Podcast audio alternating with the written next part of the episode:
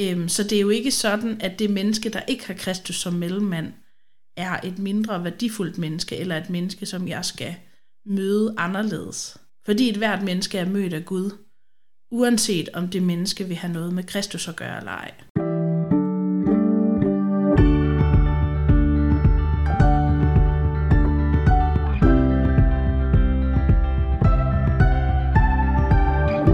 Velkommen til Bible Break, en podcast fra Bibellæseringen, hvor vi læser og diskuterer Bibelen sammen. Jeg hedder Nikolaj, og jeg er vært for podcasten. Og igen i dag sidder jeg over for Louise Høgel. Velkommen til, Louise. Tak skal du have. Du underviser på Dansk Bibelinstitut og phd studerende Og øh, vi er langsomt i gang med at bevæge os igennem 1. Samuel bog. Ikke fra start til slut, men vi tager lidt af gangen. Og i dag er vi nået til kapitel 2, vers 12-36, så det bliver en lidt øh, længere tekst. Jeg vil lige starte med at læse teksten. Elis sønner var ugudelige, så de ikke kendte Herren. Præsterne havde krav på dette hos folket. Hver gang en mand bragte et slagtoffer, måtte præstens tjener komme med en trægrenet gaffel i hånden. Mens kødet kogte, stak han gaflen ned i skålen eller krukken, eller kogekarret eller gryden, og alt, hvad han fik op med gaflen, tog præsten selv. Sådan plejede de at gøre over for alle israelitter, som kom til Silo. Men nu kom præstens tjener, før fedtet var blevet brændt, og sagde til den mand, der offrede, Giv præsten noget kød og stege. Han tager ikke imod kogt kød for dig, kun råt. Og hvis manden sagde til ham, Fedtet skal først brændes, så kan du tage så meget du vil, svarede han. Nej, giv mig straks det, ellers tager jeg det med magt. Den synd, de unge mænd begik for herrens ansigt, var meget stor, da det var herrens offer, de viste foragt for. Samuel gjorde tjeneste for herrens ansigt. Skønt han kun var en dreng, var han iført en lindet efod. Hvert år lavede hans mor en lille kappe, som hun tog med til ham, når hun sammen med sin mand drog op for at bringe det årlige slagtoffer. Eli velsignede Elkana og hans kone og sagde, Herren give dig børn med denne kvinde, i stedet for ham, der kom til at tilhøre Herren. Så gik de hjem, og Herren tog sig af Hanna. Hun blev gravid og fødte tre sønner og to døtre. Men den lille Samuel voksede op hos Herren. Eli var nu meget gammel. Da han hørte, hvordan hans sønner bar sig ad over for alle israelitterne, og at de lå med de kvinder, der havde deres arbejde ved indgangen til åbenbaringsteltet, sagde han til dem, Hvorfor bærer I jer sådan ad? Fra hele folket hører jeg, hvor ondt I handler. Hold op med det, mine sønner. Det er ikke noget godt rygte, jeg hører herrens folk udbrede om jer. Hvis en mand sønder mod en anden, kan Gud male. Men hvis han sønder mod Gud, hvem skal så optræde som maler? Men de hørte ikke på deres far, for Herren havde besluttet, at de skulle dø. Den lille Samuel blev stadig mere vældigt, både af Herren og af mennesker. Der kom en gudsmand til Eli og sagde til ham, Dette siger Herren, jeg åbenbarede mig for dit fædrende hus, dengang de i Ægypten tjente faraos hus. Af alle Israels stammer udvalgte jeg dem til at være præster for mig, til at stige op på mit alter, bringe røgelsesoffre og bære efod for mit ansigt, og jeg tildelte dit fædrende hus alle israelitternes ofre. Hvorfor viser I da ringeagt for de slagtoffer og afgrødeoffer, som jeg har påbudt i min bolig? Og hvorfor ærer du dine sønner mere end mig, så I mesker jer med det bedste af alle de offergaver, som mit folk Israel bringer? Derfor siger Herren, Israels Gud, nok har jeg sagt, at dit hus og dit fædrende hus altid skal have deres gang for mit ansigt. Men nu siger Herren, det skal ikke ske. Kun dem, der ærer mig, vil jeg ære. Men de, der ringeagter mig, skal blive til skamme. Den tid skal komme, da jeg hugger armen af dig og dit fædrende hus, så ingen i dit hus bliver gammel. Og du skal se med misundelse på alt det gode, jeg gør mod Israel. Men i dit hus skal ingen nogensinde blive gammel. Kun en enkelt af din slægt vil jeg undlade at udrydde fra mit alter. Jeg slukker lyset i dine øjne og tager livskraften fra dig. Alle andre i din slægt skal dø i deres bedste alder, og det, der rammer dine to sønner, Hofni og Pinehas, skal være et tegn. De skal begge dø på samme dag. Men jeg vil lade en trofast præst fremstå, som skal handle efter mit ønske og min vilje. Til ham vil jeg bygge et hus, der står fast, og han skal altid have sin gang for min salvedes ansigt. Der skal alle, der er tilbage i dit hus, komme og kaste sig ned for ham for at få en skilling eller et stykke brød, og de skal sige, lad mig dog få plads i et af præsteskaberne, så jeg kan få lidt at spise. Hvem maler, kunne man spørge. Ja, det er en ret alvorlig tekst. Ja.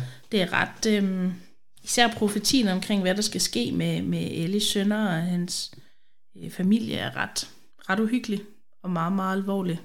Og jeg tænker, det er jo virkelig et godt spørgsmål, som Ellie han stiller til sine sønner i vers 25. Hvis en mand synder mod en anden, kan Gud male.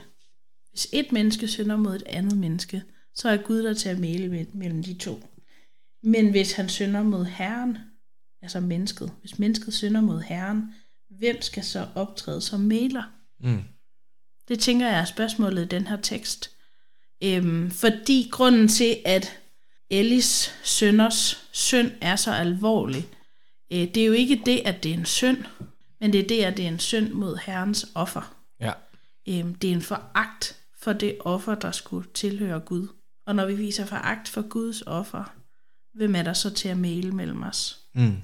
Det er et alvorligt spørgsmål, synes jeg.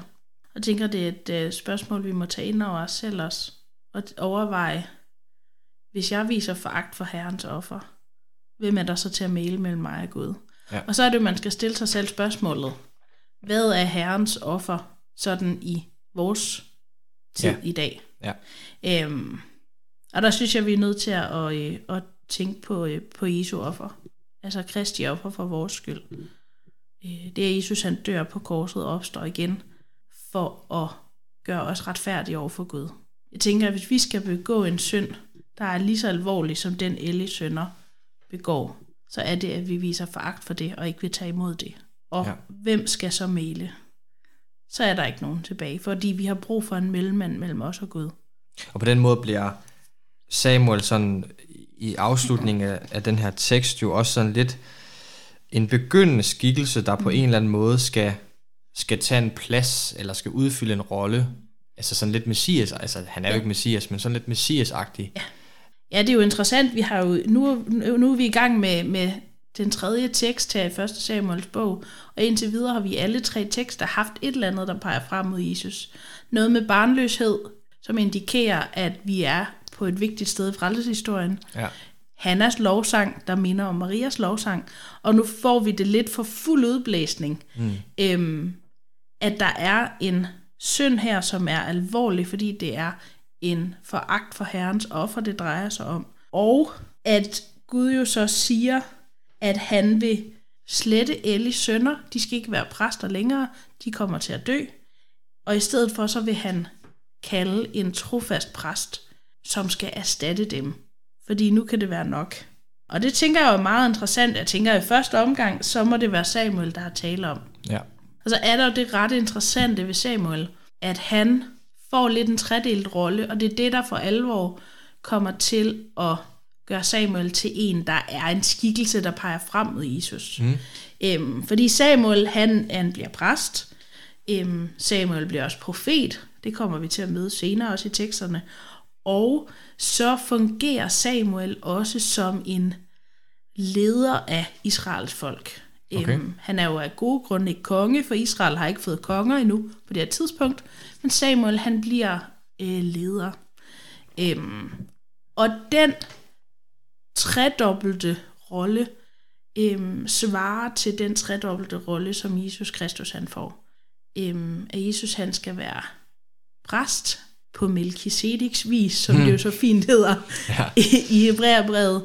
Jesus han er profeten. Han er den profet, der er større end Moses, den største profet, øh, som Israel har haft. Og så er han også konge. Mm. Han er lederen, han er kongernes konge. Så jeg synes, vi kommer til at, at, at tænke på, på Jesus, når vi læser den her tekst. En anden ting, jeg synes er ret interessant, det er det der med, at øh, i vers 18-21, at, at Gud han velsigner Hanna. Det der med, at hun fik en søn, var ikke bare, at nu fik hun en søn, og den søn blev så, skulle blive brugt af Gud, og hun så ikke længere ville have den søn, kan man sige. Altså sådan tæt ved sig i hvert fald. Men at der står hun for flere børn. Så Gud bliver på en eller anden måde ved med at velsigne Ja. Hanna. Ja, man kan sige, øh, han sender ikke Hanna tilbage i den her smerte, det var for hende at være barnløs.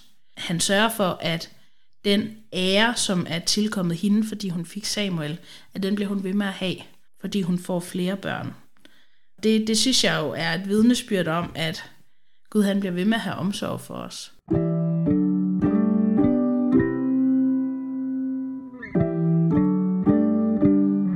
Hvordan synes du, den her tekst, eller det første, du snakkede om, det her budskab om at, at have en maler, øh, hvilken rolle skal det fylde i vores liv, eller hvordan skal det ligesom være måden, vi også tilgår måske andre mennesker på, øh, i mødet med dem, og også i vores møde med Gud? Jamen, det er et godt spørgsmål. Jeg tror, jeg tror, øhm, måske kan jeg bedst besvare det spørgsmål ved at besvare, hvordan jeg ikke tror, det skal fylde. Ja, Øhm, det er et godt sted at starte. Det, det skal jo ikke forstås på sådan en måde, at jeg ikke kan komme direkte til Gud. Nej. Vejen til Gud er fuldstændig åben. Mm. Det har Jesus sørget for. Så jeg kan komme direkte til Gud. Men jeg har brug for, at når Gud han skal se på mit liv, Mm. når Gud han skal engang dømme mit liv, for det skal han, så har jeg brug for, at han ser på mig gennem Kristus. Ja. Så jeg tænker, at jeg må forholde mig til Jesus som mellemmand på den måde, at, at jeg har brug for, at når Gud ser på mig, så ser han Jesus. Og det er det, man øh, sådan øh, lidt teoretisk kunne kalde det salige bytte. Mm. Altså, jeg får lov til at bytte plads med Jesus. Okay. Så alt det, der gælder for Jesus, det kommer til at gælde for mig. Og, og, og jeg tænker, det er sådan, jeg ligesom må forholde mig øh, til den her mellemmand. Det er sådan, jeg må forholde mig til Kristus. At jeg har brug for, at det perfekte liv, Jesus han levede, at det bliver mit. Jeg tænker også, at det har konsekvenser for, hvordan vi så møder andre mennesker. Ja, det har det. Jeg tænker, det kan få, øhm, det kan få nogle gode konsekvenser, men det kan også få nogle uheldige konsekvenser. Ja, Øhm, hvad tænker du på? Jamen, jeg tænker på, at vi, vi, vi må lade Guds blik på mennesket forme, hvordan vi ser vores medmennesker. Øhm, men der er det ret væsentligt øh, for mig at se, og fra et sjælesørgs synspunkt, at Gud han, Gud han møder mennesker i frelse, og, øh, og om det menneske, der er frelst, står i en helt særlig relation til Gud. Men Gud han møder samtidig et hvert menneske i skabelse. Ja. Øhm, så det er jo ikke sådan, at det menneske, der ikke har Kristus som mellemmand, er et mindre værdifuldt menneske, eller et menneske, som jeg skal møde anderledes. Fordi et hvert menneske er mødt af Gud, uanset om det menneske vil have noget med Kristus at gøre eller ej.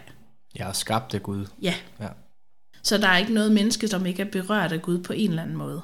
Også selvom de ikke selv ved det, eller selv vil have med Gud at gøre.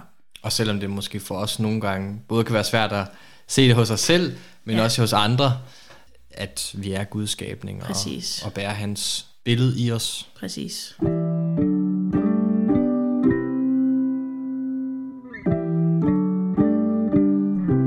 Tror måske den væsentligste pointe, det var en refleksion over synd i mit eget liv. Ja, Jeg tror ikke bare sådan lige, man kommer til at vise fagt for herrens offer, uden at være klar over det. nej.